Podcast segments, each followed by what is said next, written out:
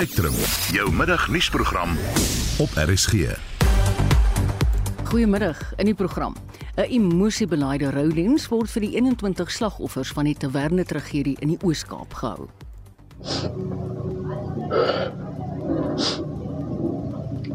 I thought my brother was inside the house. I looked all the rooms, but he wasn't there.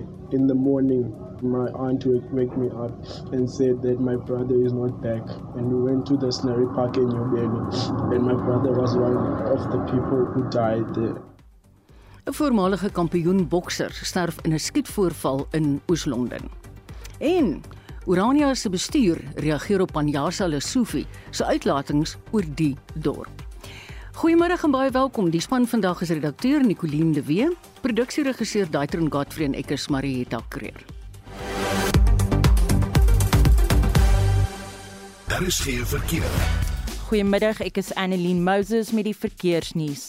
Ons begin in Gauteng. Daar staan 'n voertuig aan die linkerbaan op die N12 Wes voor die Gululies wisselaar. Nog 'n voertuig staan op die N3 Oos by die Linfield wisselaar en die linkerbaan is onbegaanbaar. 'n Voertuig staan ook botstil op die N2 Suid na van Burenweg en die linkerbaan is versper. En in Kaapstad is daar druk verkeer op die N1 stad in tussen Joostenberg vlakte en Okavango weg.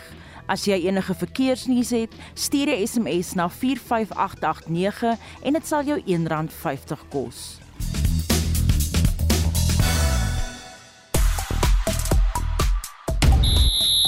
Ons dames Proteas begin die laaste dag van hul toets teen Engeland met 'n agterstand van 78 lopies. Nog 'n herrie oor ras bars los in Formule 1 en Suid-Afrika se enigste hoop by Wimbledon is oor sowat 40 minute te sien op die baan. 'n Volledige bulletin volg net na 12:30. Eskom bly 'n gonswoord op Twitter nadat beerdkrag vererger is weens 'n staking oor salarisverhogings. Dan kan mense nie uitgepraat raak oor Urania nie. Dit volg nadat die Gautengse ALR vir onderwys, Panyaza Lesofie, gal gebraak het oor die Noord-Kaapse dorp. Vandag is ons eenvoudige vraag aan ons luisteraars. Watter impak het fase 4 en 6 beurtkrag op jou huishouding, jou besigheid of jou werk?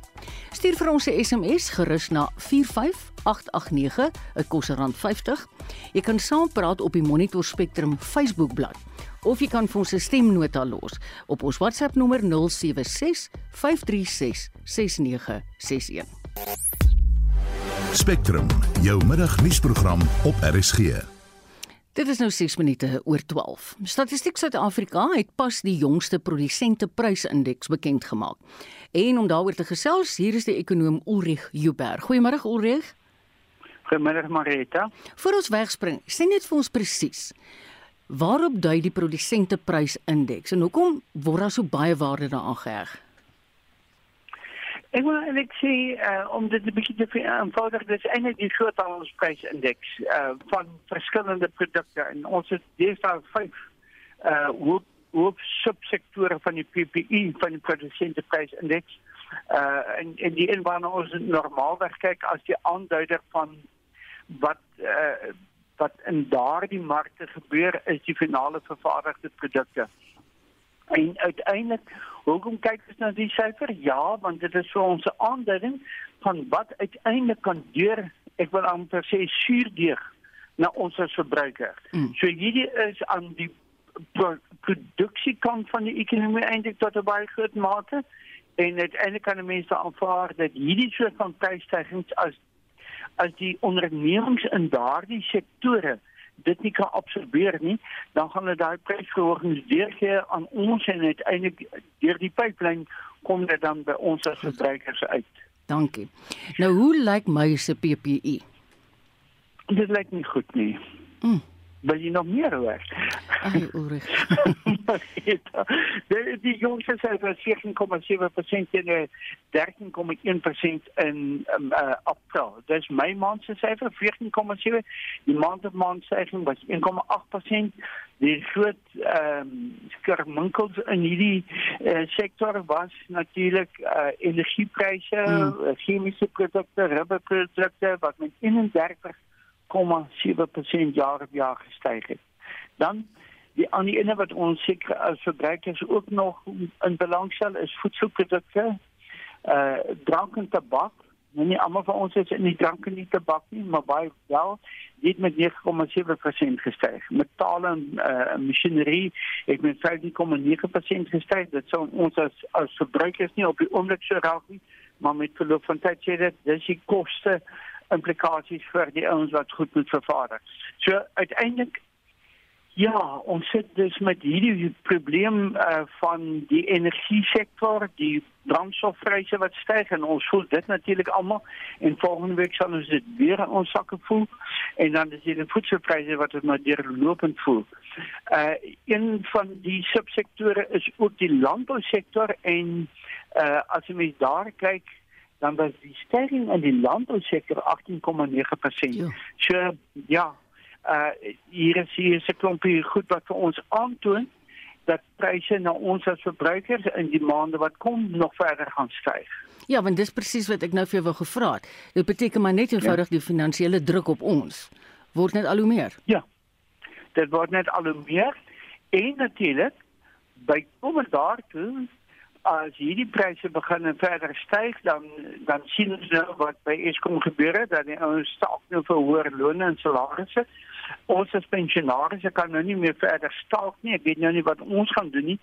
Uh maar ander mense kan staak sê jy weet ek wil 'n hoër salaris of loon kry en dan raak die reservebank 'n bietjie onrustig daaroor. Hmm. En dan moet ons verwag dat rentekoerse gaan aanhou styg. Oor ek luister vanoggend na die nuusbulletin en ek hoor hulle vra vir 15%. Hoe realisties is dit?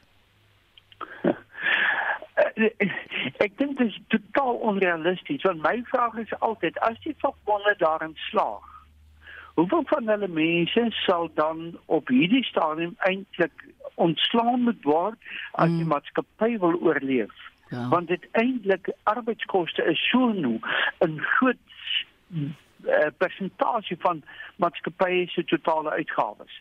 En dan natuurlik as jy mens daarna kyk dan sê jy maar as dit so uh, voortduur dan en en die ekonomie is nie in 'n baie sterk groeifase nie wat beslis nie so is nie dan met verloop van tyd sal maatskappye moet gaan kyk en en uh, as jy kyk van maatskappye dan wil ek nou sê dit is van die eenman saak uh, wat mm. miskien twee mense in diens het, né? Nee? Tot die groot maatskappye sal gaan kyk na hierdie soort van kostes en sê, maar saam met al hierdie ander koste druk wat ek nou moet ervaar, moet ek ernstig besnoei.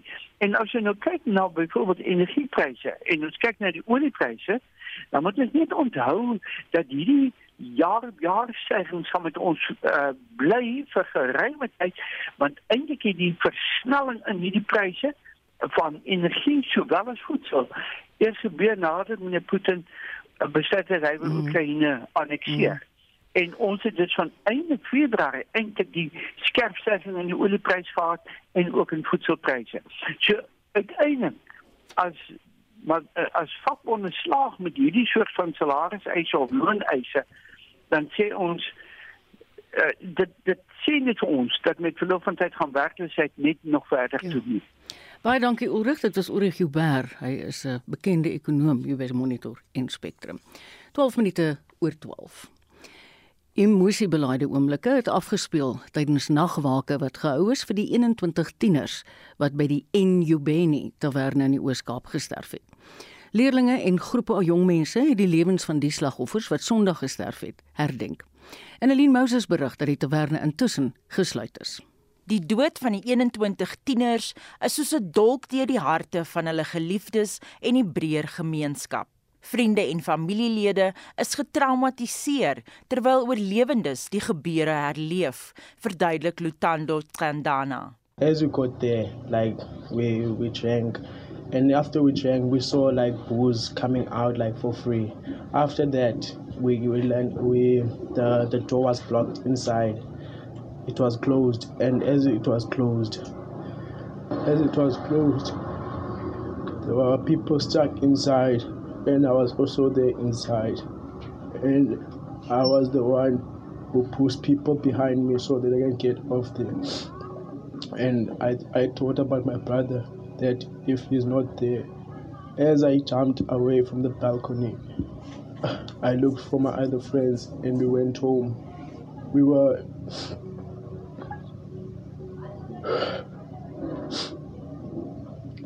I thought my brother was inside the house. I looked all the rooms, but he wasn't there. In the morning, my, my aunt wake me up and said that my brother is not back. And we went to the Snare, Park in New Delhi, and my brother was one of the people who, was, who died there. And like, um, I'm broken inside. Naasbestaandes het ook gevra dat die uitslag van die nadoodse ondersoeke bekend gemaak word. Die tante van een van die oorledenes sê hulle soek die nadoodse verslag sodat hulle afsluiting kan kry. And it's hurting because there are different stories that we hear from different people. If we can get the postmortem results and hear what happened what is the cause of death, at least maybe the closure can be done in our in our hearts. It's so to all of the families and the siblings. At least if we can get the post-mortem results and know what happens and what happened also at the tavern that caused the death of so many people. Nog 'n nagwaak is by die moordtoneel gehou en inwoners wil hê daar moet 'n ondersoek gedoen word na die taverne wat glo alkohol aan minderjariges verkoop het. It was no secret at first prior this event. There are incidents that have taken place and we have cried about them and we have not had um, uh, uh, updates even from the police. So now that this has happened, we're hoping that it will change everything and we plead that this Enyobeni Tavern does not close temporarily, but it close permanently. 'n Massa begrafnis sal volgende Woensdag gehou word. Die verslag is saamgestel deur Lubabalo Dada in Oos-London en ek is Annelien Moses vir SAK nuus. En nou heeltemal ander nuus. Politieke partye vra dat president Cyril Ramaphosa ondersoek instel na sake by Eskom. Jean Marie Verhoef berig dat van die politieke partye bekommerd is dat die land op 'n nasionale ekonomiese ramp afstuur weens voortdurende kragonderbrekings. Fase 6 beerdkrag is Dinsdag vir die eerste keer sedert Desember 2019 ingestel. En volgens die ANC-LP, Pemi Majodina, kan die land se ekonomie nie onder sulke omstandighede floreer nie. It is uh, an embarrassment, but this is not the only country that had a blackout. Many countries, even in Europe, had a blackout, but uh, ours um, it became very glaring uh, because these uh, are challenges on ESCOM. They've been there, but uh, we seem to be uh, moving very slow to address those challenges. But I think government must try to make a priority of priorities that the issue of electricity also contributes to economic growth. Die leier van die EFF, Julius Malema, sê die huidige stand van sake by Eskom is 'n verleentheid vir die land. We are slowly becoming another failed African state because uh, people are actually loyal to their own factions than to be loyal to South Africa. We don't understand why the CEO of ESCOM is still the CEO after he has taken us through this difficult uh, uh, situation.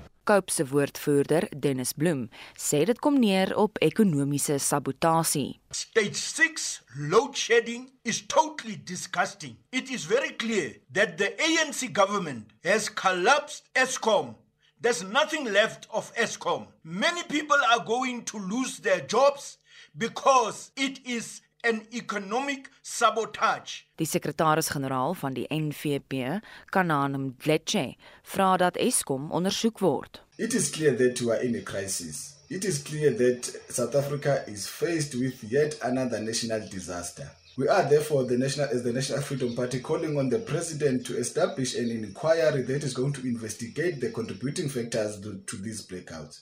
Die DA se Galeb Kashalia sê Eskom en die regering moet aan die pen ry. Had we addressed this in advance, we would not be here. But now that we are here, we need to be both proactive and reactive. Praveen Gordhan and the ANC government is neither. We need to move fast on this and we need to hold these people to account. More than holding them to account, we need to put urgent things in place. Dit was die DA se Galeb Kashalia. Die verslag deur Abongile Dumaku van ons politieke redaksie. Ek is Joan Marie Verhoef vir SAK nuus. Ons bly by die land se kragkrisis. Met die instelling van fases 4 en 6 beurtkrag, wil dit voorkom of hierdie krisis net vererger. Weer Joan Marie. Tydens die 2019 Afrika Unie beraad het president Cyril Ramaphosa reeds erken dat die land se elektrisiteitskrisis op 'n ramp afstuur. So where we are now, we're almost in danger zone uh, in as far as uh, our energy generation is, and we've got to solve it. 3 jaar later en op die oog af duur die kragkrisis voort. In Desember 2019 moes president Ramaphosa 'n bilaterale besoek aan Egipte kortknip weens die instelling van fase 6 beurtkrag. Dit is wat hy destyds tydens 'n media-konferensie gesê het. On our journey, we got to hear that the country had gone into stage 6 of load shedding, and that surprised and shocked us. And I immediately felt that it was necessary that I should cut my visit short. Suid-Afrikaners sloop al vir meer as 'n dekade deur onder beerdkrag. Die politieke ontleder, Tamsanqa Malinga, skryf die krisis toe aan mislukte beleid en leë beloftes oor dienslewering. Every five years goes on and promises people that we will give you free uh, services, we will give you this and that. I mean, I remember last year when uh, towards the, the, the, the, local government elections, the community of Soweto had closed voting stations. And they said um, they're not going to allow, they're not even going to go and register for local government elections because they do not have electricity. Hy sê die regering moet sy basiese beginsels hersien. The government needs to go to to to go back to basics. Look at the issues of of policy. Do we want this to be a profit making entity? How is it going to generate money for us in in light of what's happening? It's killing businesses. We have a high unemployment rate. Dit was die politieke ontleder Tamsanqa Malinga. Die verslag deur Kenny Mapanga. Ek is Jean Marie Verhoef vir SAK nuus. Spits die ore, spits die ore. Eskom het sopas aangekondig dat fase 6 vandag reeds om 2uur vanmiddag begin. Dis 2 ure vroeër as gister. Jy luister na Spectrum. Elke weekmiddag tussen 12 en 1. Die nuutverkose ANC voorsitter en LER vir onderwys in Gauteng, Panjasa Lesufi, het skerpte velde getrek teen die voortbestaan van Urania in die Noord-Kaap. Die veelbesproke beweging wat fokus op selfbeskikking, het Lesofie se toorn ontketen en tot 'n bekgeveg op sosiale media gelei. Vir meer hieroor praat ons nou met die uitvoerende hoof van die Orania beweging, Joost Strydom. Goeiemôre Joost. Goeiemôre en dankie vir die geleentheid om Orania se saak te stel. Wat het gelei tot hierdie jongste omstredenheid? Nou, dit is 'n baie goeie vraag. Dit is natuurlik nie die eerste keer dat uh, Lesofie uh baie oor Orania te sê het nie. So wat presies daartoe gelei het, kan ek kan ek nie sê nie. Wat ek wel kan sê is dat ehm um, Lusofie graag oor Orania praat. Hy het uh, uit in die verlede al 'n paar keer uitgevaar oor Orania se bestaan sonder om regtig iets te konkretiseer of of duidelik te omskryf wat sy probleem nou eintlik met Orania is. Ehm um, en en dit laat bietjie 'n kwessie by ons. Uh Orania praat. Uh, ons praat graag. Ons praat graag met ons vriende plaaslik en internasionaal, maar ons praat ook graag met ons opponente, mense wat ons uh, mm. uh, teenstaan. En uh, as ons kyk na Orania se geskiedenis, uh dat die Orania beweging in Orania oor die afgelope 30 jaar al met verskillende uh landspresidente, politici, selfs met Kusato en met Julius Malema gepraat het. En ons sien dat Lesofie nie met ons wil praat nie, maar hy praat baie van ons, dan bekommer dit ons. Ehm um, uh, ons glo daarin dat goeie gesprek uh, natuurlik tussen twee groepe is. Mm en nie op sosiale media oor oor Orania nie. En dit daarom lyk dit vir ons asof filosofiese doel is eerder as om 'n strooipop uh, of eerder om 'n strooipop aan te val. Hy boue Orania wat dinge verteenwoordig waarmee hy nie saamstem mm. nie, wat nie noodwendig die waarheid is nie. Hy val dit aan mm. om uh, miskien aandag af te trek van probleme in sy eie in sy eie provinsie of in sy eie verantwoordelikheidsveld. Jy weet jy is uh, dit is my so vreemd. Ek meen julle sit in die Noord-Kaap. Hy is nou hierso in Gauteng. Hy is ook die man wat van tevore Afrikaans die onderspit laat delf het in party van die skole. So ja, as jy sê hy het nog nooit by hulle kom kuier nie en hy weet nie wat daar aangaan nie, dan is dit vir my baie raar. Ja, en en en en juist die punt is dat Orania oop is vir gesprek en soos ek sê ons praat met vriende en opponente graag want ons voel ons het 'n hmm ons wil eerlikwaar ons te goeie en etiese saak om te stel. Ons staan nie teenoor iets nie, ons ons staan vir iets. As mens kyk na kom ons dink terug aan Lesofie se skandaal met die met die ontsmetting van skole wat hom uh, etlike miljoene rande gekos het en, en ons kyk bietjie na wat Orania met daai geld sou kon bou. Byvoorbeeld Afrikaanse skole waar ons nie van die staat af enige geld kry nie maar self verantwoordelikheid neem om skole te bou op eie koste hmm. wat uh, geakkrediteer is en wat die nasionale kurrikulum volledig aan voldoen, maar waar ons kinders tog die geleentheid gee om Afrikaans te leer en hulle self te bekwam ook in hulle moedertaal op 'n hoë standaard. Hoe reageer julle nou as beweging op filosofiese uitlatings? Eerste van alles sê ons ehm um, as filosofie ons bestaansreg ontken, dan sê ons nee, dit is nie dis nie waar nie. Orania het 'n bestaansreg. Aan die een kant deur dit wat ons prakties opgebou het oor die afgelope 30 jaar waarin daar op sigself as tuiste vir mense 'n bestaansreg gebou is. Orania glo dat mense daai faktorialiteit skep ehm um, vir jouself deur selfverantwoordelikheid te neem. Aan die ander kant weet ons ook dat Orania niks onwettigs doen nie um, om die waarheid te sê artikel 235 van die grondwet en uh, ander regte vanuit die Suid-Afrikaanse grondwet sou mens jouself op kon beroep en sê maar hier is dan juis ruimte vir gemeenskappe soos Orania. In die laaste instansie wil ek byvoeg dat uh, Lesofie wat graag oor die rassigheid praat, ehm um, tog ook van die van die reënboognasie praat en Afrikaans en Afrikaners is deel van uh, van hierdie land. Uh, ons hmm. kan nie teruggaan Europa toe soos wat politici baie keer wil sê nie ons is deel van hierdie land en en op grond daarvan behoort ons regte om ons kultuur uit te leef om ons geskiedenis te vier om ons taal te vier om ons geloof uh, uh uit te ja. leef en en ek dink in daai in daai drie uh, aspekte eerste plek die feit dat Orania wettig is die tweede plek die feit dat ons self realiteit skep En derdens, in die feit dat dat Afrikaner kultuur waardig is om beskerm te word en uitgebou te word, het Orania bestaansreg. En wat ook al op sosiale media gesê het. Ekskuus, ekskuus, ek moet jou ja. nie rede val. Jy het nou net gesê jy het julle eie skole gebou en swaan kan ek jou een finale antwoord 'n vraag vra en dan kan die antwoord net ja of nee wees. Word Orania deur beurtkrag geraak? Uh in 'n mindere mate dink ek is ander plekke Orania word nog in deur beerdkrag geraak maar ons bou tans uh ons ons kan al 30% van ons kragbehoeftes self opwek met oralsvol ons eie sonplaas en ons beplan om dit uh baie baie uit te brei. Dankie. Dit is Joost Strydom. Hy is die hoof van die Orania beweging. Die vakbond Nehawu waarsku dat werkers in die parlement met 'n staking sal begin indien die parlement sou voortgaan met sy vereiste vir werkers om teen COVID-19 ingeënt te word. Nehawu se voorsitter, Stembiso Tembe, het aan John Marie gesê werkers is gegrief nadat die waarnemende sekretaris van die parlement, Baby Tiawa, werkers skriftelik ingelig het dat hulle voortaan 'n inentingssertifikaat moet hê of dat hulle op eie koste 'n negatiewe COVID-19 toets moet hê. Tembe sê daar was geen konsultasie hieroor nie. We don't see any reason why people should be forced to do mandatory vaccination or PCR test in the light of the government to relax the COVID-19 regulations, almost all of them, including the mandatory wearing of masks.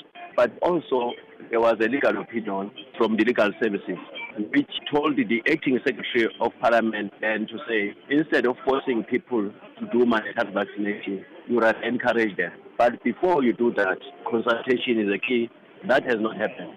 Tembe beweer Tawa se instruksies aan parlementswerkers is 'n poging om die nuwe sekretaris van die parlement, Zolile George, te ondermyn. So we feel that the decision of Ms. Tawa is deliberate. It seeks to undermine the new secretary to Parliament because the legal opinion was received on the 12th of May. He sat on that legal opinion until the 10th of June when the new secretary, Mr. George, was supposed to start his work on the 15th of June. Then she started to issue this. Hy meen die poging om werkers te dwing om COVID-19 inentings te kry is 'n manier om parlementswerkers uit te lok. So that they behave in a manner which will put Mr. George on the spot and that is our reason. So we reject that thing. It's unreasonable. Parliament should never act in a manner that contradicts the decision of the government. Die vakbond vra dat hulle geraadpleeg word in verband met die saak.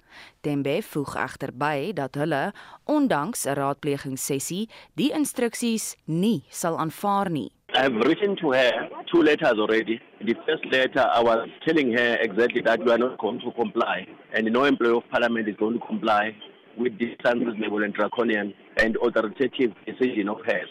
Secondly, I told her up until we are consulted by the Secretary of Parliament properly, and uh, there is no guarantee that we are going to agree. In fact, we are not going to agree, but at least we should be consulted. There is no way we are going to entertain this particular thing. So what we told them is that any attempt to force us will force us to take further actions.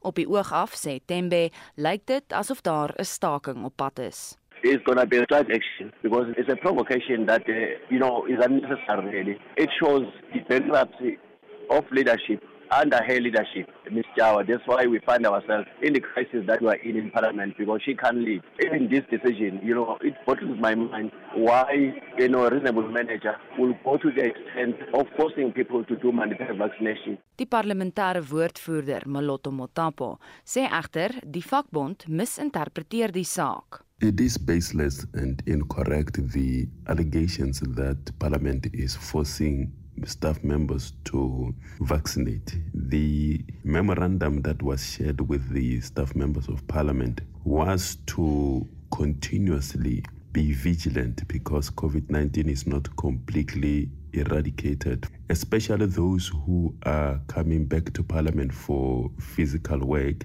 The advice and the encouragement has been that they must vaccinate. However, that is not a compulsory or a, a enforced. Dit was die parlementêre woordvoerder Maloto Motapo. Ek is Jean Marie Verhoef vir SAK nuus. Spectrum, jou middagnuusprogram op RSG. In die volgende halfuur, Oudtshoorn in die Wes-Kaap het 'n nuwe uitvoerende burgemeester. Op die laaste dag van jeugmaand praat ons oor jong mense se uitdagings in Suid-Afrika. En Ferdinand Marcos Junior word as president van die Filippyne ingehuldig. Daar is geen verkeer. Ons begin in KwaZulu-Natal. Daar was 'n botsing op die N2 Noord na die EB Kloete wisselaar en die noodbaan is versper. In Gauteng staan 'n voertuig in die linkerbaan op die N12 Oos voor die Kingsway hoofweg. Nog 'n voertuig staan in die noodbaan op die R24 Wes voor die Galulies wisselaar. En in Kaapstad kan jy druk verkeer verwag op die N1 stad in tussen Joostenberg vlakte en Okovango weg. Dit was dan jou verkeersnuus vanmiddag hier op Spectrum.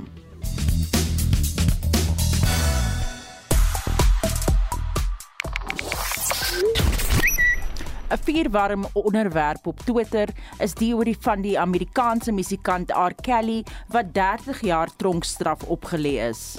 Die Durban July is ook 'n gewilde besprekingspunt waar foto's gedeel word van die uitrustings waarin daar Saterdag gepronk sal word.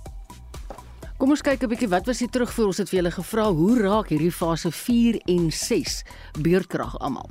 U stel sê mense se hele lewe word deurmekaar gegooi vir alles jy nog werk.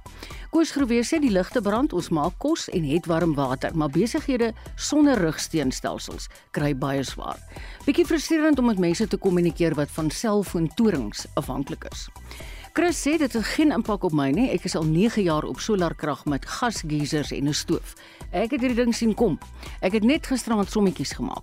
As ek my installasiekoste aftrek van die hoeveelheid krag wat ek die afgelope 9 jaar gebruik het. Onthou ek besproei ook 7 hektaar landbougewasse uit twee boorgate en ek het 4 vrieskaste en yskaste. Dan het ek meer as 300 000 bespaar aan kragkoste wat ek aan Eskom sou betaal het. Henny sê ons het 'n melkery, mens moet behoorlik kop hou om nie halfpad gevang te word in die middel van die melkproses nie. Of vroeër melk of later melk. Want 'n kragopwekker gaan 'n baie duur storie wees. En nou is dit tyd vir sportnuus met Oudo Karels. Hallo Oudo. Hallo Marieta. Ek sien ons dames Protea spanne so bietjie in die moeilikheid in Engeland. Hulle is en en selfs meer in die moeilikheid uh, nadat hulle so halfuur terug begin speel het. Dit is die laaste dag van die toetswedstryd teen Engeland en die jongste nuus uit Tonton uit in die somerset is dat Suid-Afrika hulle eerste paadjie vir die dag verloor het. Ag nee. Dit's 'n grootte. Ons kaptein Sonay Luus uit vir 10, sy is been voor paadjie betrap deur Kate Cross. Die telling tans as ek nou net kyk wat hy is 64 vir 4. Nee, die naguiltjie Tumi Sekukunes goed op dreef 38 balle getrotseer, sy 3 lopies. Lazali nou net stelling ingeneem vir die paadjies. Sy het 5 balle trotseer en sit nog op 'n nulletjie en Suid-Afrika se agterstand nog 9 69 lopies. Dis ook dag 2 van die eerste toets tussen Australië en Sri Lanka waar Australië tans kolf. Hulle is nou 233 vir die verlies van 5 paaltjies en loop voor met 21 lopies op die 212 wat Sri Lanka in hulle beurt aangeteken het. Maar ons junior bokke vaar baie goed in Italië, né? Nee? Uitstekend, baie goed. Uh hulle is nou besig met die uh somerreeks wat in Italië plaasvind en is nog die enigste onoorwonde span oor in hulle groep uh by hierdie reeks. Dit volg na oorwinnings van 30-22 teen Engeland in hul eerste wedstryd en gister se 33-24 sege oor Ierland en ons Baba Bokkies kom weer volgende Dinsdag te staan teen Frankryk. In vandag se wedstryde speel Wales teen Georgië uh terwyl Skotland teen die gasheer Italië te staan kom. Oudo, wat presies gebeur in Formule 1 wat almal nou by vandag so aan die praat het? Ai, legende, legende, laat ek jou vertel. Formule 1 deur nog 'n herrie oor ras ontwrig. 'n uh, Video's op sosiale media gedeel waar die voormalige renjaer en 3-malige wêreldkampioen Nelson Piquet die Spaanse woord neguinho gebruik het toe hy verwys het na die 7-malige wêreldkampioen Lewis Hamilton in 'n beskrywing van sy rol in 'n ongeluk in verlede jaar se Britse Grand Prix met huidige kampioen Max Verstappen.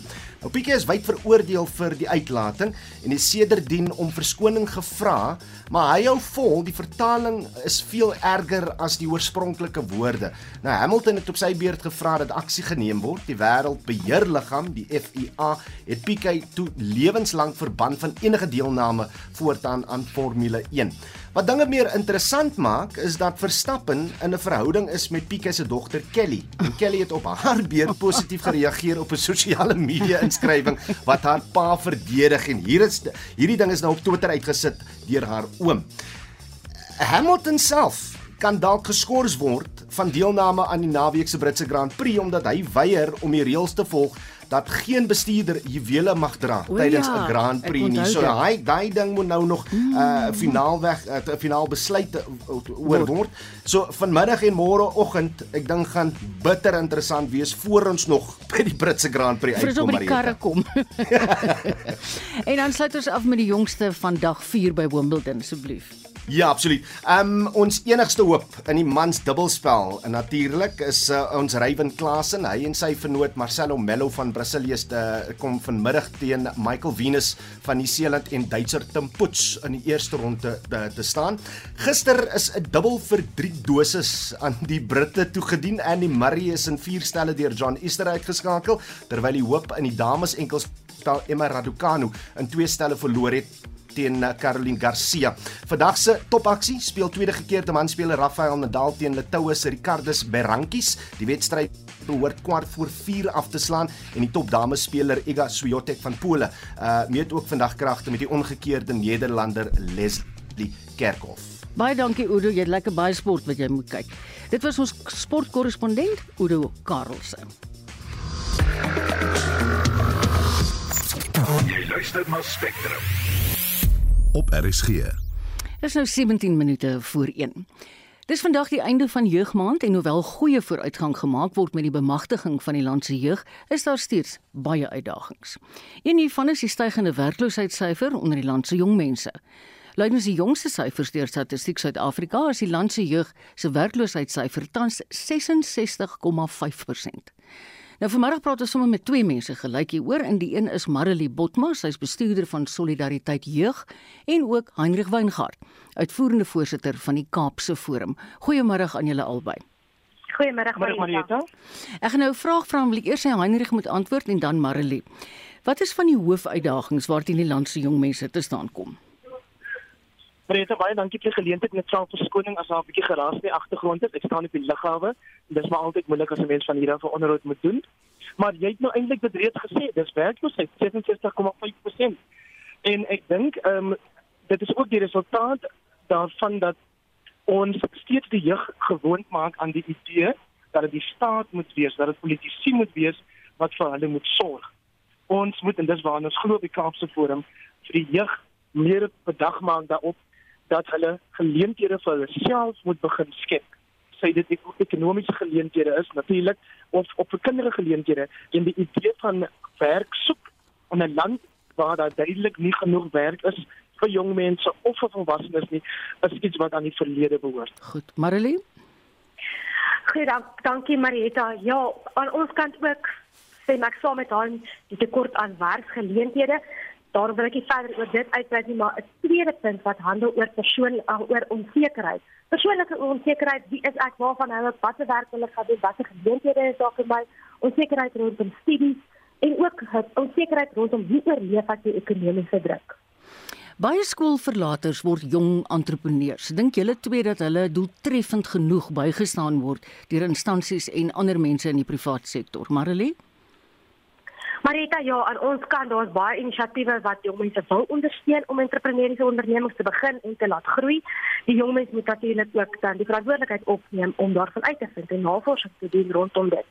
Ek dink die ander die ander uitdaging wanneer mens praat oor ekonomiese realiteit is alhoewel daar goeie planne en oulike besigheidsidees van jong mense kan wees, het die verbruiker nie noodwendig die geld om hom of haar te ondersteun nie. Hmm. En moet ons ook 'n ekonomiese lewensvatbare omgewing skep vir hierdie jong mense. Han Daarom moet 'n mens kyk na meer geleenthede wat die tegnolog tegnologiese veld betref.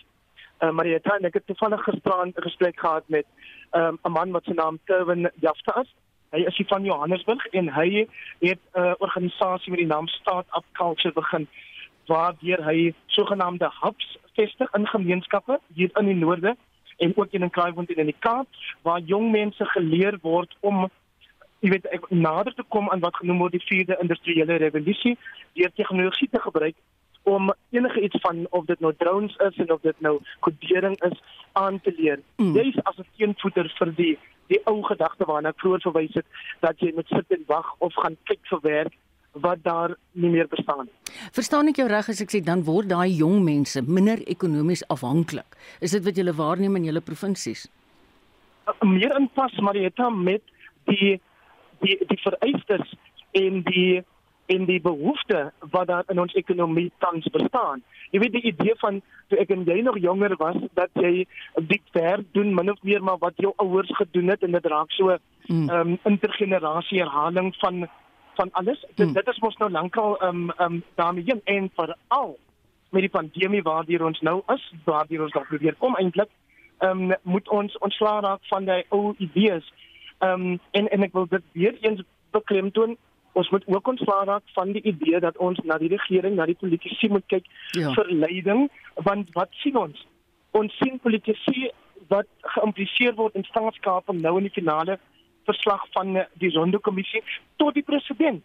Wat beteken mense wat na hulle self omsien hmm. wat um, korrupsie 'n mode maak en en wat nie werklik uh, jy weet gepla is oor dit wat oorbly vir die, die jong mense van vandag nie. So jong mense moenie na politici kyk nie. Op jeugdag het ek geluister op RSG toe daar heel wat gepraat is oor wat politici moet doen en, en dit het my gepla want jy skep die indruk dat jou die die politici liewer dat die politici ja sal sorg dat daar vir die jeug 'n toekoms is. Mm. Dit is nie so nie, die jong mense moet dit nie glo nie. Hulle moet vir hulself meer doen. En as jy haastig is, ek gaan verder net met Marilee gesels, dan kan ek jou nou groet. Ek is nie haastig nie, maar oh. as jy klaar met jou vrae is met my, dan kan ek tot sien sê Marieta. Dan sê ons totsiens vir mekaar. Lekker dag of lekker vlug. Baie dankie vir die geleentheid. OK, tata. Groete. Marilee, wat is jou antwoord wat wat bespeur jy hier in die noorde as hulle meer van tegnologie gebruik maak? Is hulle dan minder ek ekonomies afhanklik? Ja, Marita, dit is ongelukkig nie ons ervaring met met die mense, die jong mense met wie ek werk nie. Hierso is die mense nog steeds baie onseker oor hul eie belangstellings en dit waar hulle homself wil vestig. Mm -hmm. So ek gesê die generasie het individue wat hulle inkomste genereer is die uitsondering. Dit is definitief nie die norm onder die jong mense met wie ek werk nie. Dis baie interessant. Waar kry jong mense wat net eenvoudig nie 'n werk kry nie hulp? Marita, dan is daar baie instansies wat regtig jong mense wil help en wat glo dat hier plek is vir hulle in hierdie arbeidsmark in Suid-Afrika. So ek dink daar is instansies wat goeie werk doen en wat hulle self ook die verantwoordelikheid om jong mense te bemagtig met kennis en vaardighede om sodoende die werksplek te kan betree. So ek dink eerste punt is om is sodat jong mense moet uitvind waar is die, waar kom die hulp vandaan? Waar moet ek gaan aanklop om dan nou mm. om te of, of werk te kan kry. En dan 'n jong mens het ook 'n verantwoordelikheid om hom of haarself te bemagtig, deur jou eie belangstellings te ken en jouself te leer ken om so te kan weet wat jou energie sal gee. vir binne die werksplek dan nou. Ja, jou sterkpunte en jou swakpunte, né? Nee. Natuurlik, ja. Maar ek is baie bly daar is instansies soos julle Solidariteit Jeug en daar's heelwat ander ook wat spesifiek kyk na die probleme van hierdie ontsettende hoë werklikloosheid onder jong mense. Dankie Marilee. En ek het nou klaar van Heinrich Weingart gegroet. Hy is die uitvoerende voorsitter van die Kaapse Forum en Marilee Botma is bestuurder van Solidariteit Jeug. Ja, julle wonder seker hoekom ek so baie praat hier op Spectrum. Julle sal nou hoor, maar ons het dit gister ook gehoor. Susanne is in die Kreerwiltuin besig om belangrike werk te doen. Suid-Afrika se olifantbevolking in die nasionale Kreerwiltuin lyk goed en dit het ook 'n positiewe impak op die wildtuin self. Die wildtuin het tans sover omtrent so 30000 olifante en in teenstelling met gerugte dat olifantgetalle die wildtuin se ekologie beskadig, sê beide Dani Pinaar, hoof van natuurbewaring in die wildtuin, en Sam Ferreira die groot soogdier-ekoloog van Sanparke, dat daar meer voordele is aan diere in die wildtuin as sonder hulle. Daar is so nou en dan 'n paar olifante wat onwettig gejag word, uh, maar baie min. Wat ook natuurlik gebeur is die olifante tel per ongeluk 'n stryk op wat gestel word vir 'n uh, ander dier soos 'n buffel of 'n rooibok en so aan, dan is die ding om sy voet of sy slurp en dan word hy partymal so erg beseer dat ons hom moet uitsit. En en dit is natuurlik is nou nie, nie hulle probeer nie die olifant jag nie, maar die maar die uiteinde is daar 'n dooie olifant, maar dit is ook maar 'n uh, enkele diere in, in 'n jaar. Uh dit het geen impak op ons olifantpopulasie se groei of se voortbestaan nie. Verwag julle dat dit gaan afkom nog?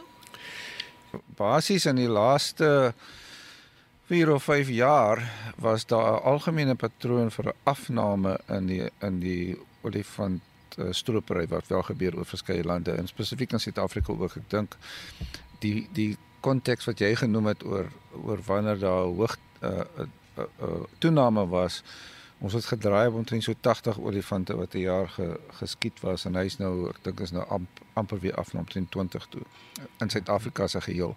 So ons verwag nie dat in die ten minste nie in die kort termyn dat ons daai veranderinge gaan vinnig sien gebeur gebeur in in in in kreer nie. Maar baie keer moet ou dit ook in konteks stel. Iemand onthou as as, as ek vir jou sê dat kreer het 30000 olifante. Jy, jy weet, dan moet jy 'n baie groot groot uh, hoeveelheid stroopre hê vir daai getalle om te begin afneem en negatiewe effekte op die populasie te hê. So die die groot kommer is nie oor wat die effek op olifante gewees het. Die groot kommer is eintlik as ek 'n toename in stroopryte is as gevolg van ander kriminele aktiwiteit wat besig om te gebeur en dis daai kriminele kriminele aktiwiteite in omgewing algemene omgewing wat ons aanspreek, nie noodwendig die olifantgevaar nie.